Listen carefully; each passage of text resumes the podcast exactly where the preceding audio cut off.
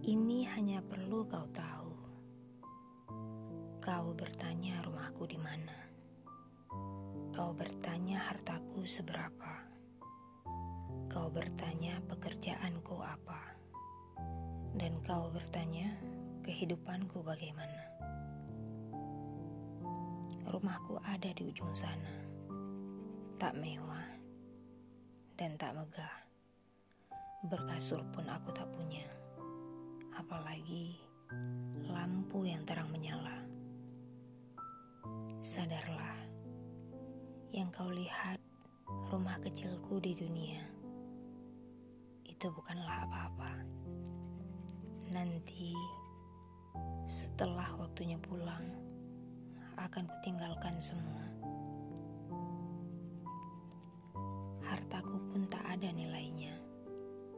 Rupiah yang kukumpulkan hanya untuk menafkahi badanku semata, mencukupi makan dan minum, serta beribadah.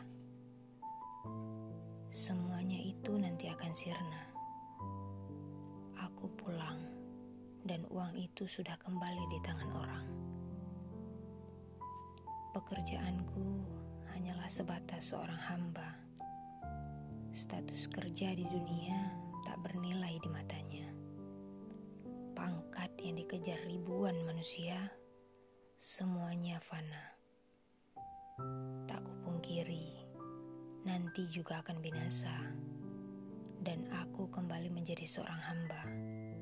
Ya, hanya sebatas seorang hamba.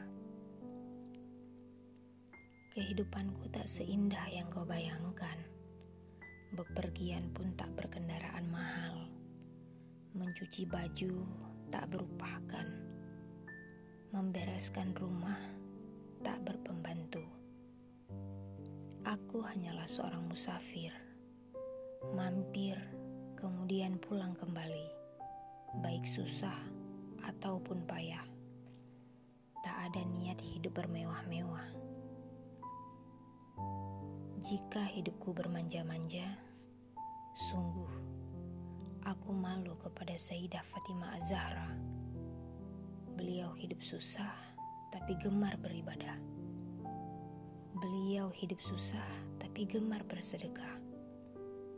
Beliau hidup susah tapi selalu tersenyum dengan ramah.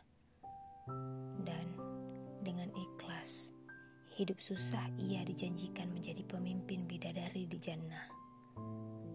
Jadi, apa yang mesti aku banggakan? Sedangkan sebatang badan ini pemiliknya adalah Ar-Rahman. Di sini aku hanya menumpang. Setelah itu, ruhku akan dijemput.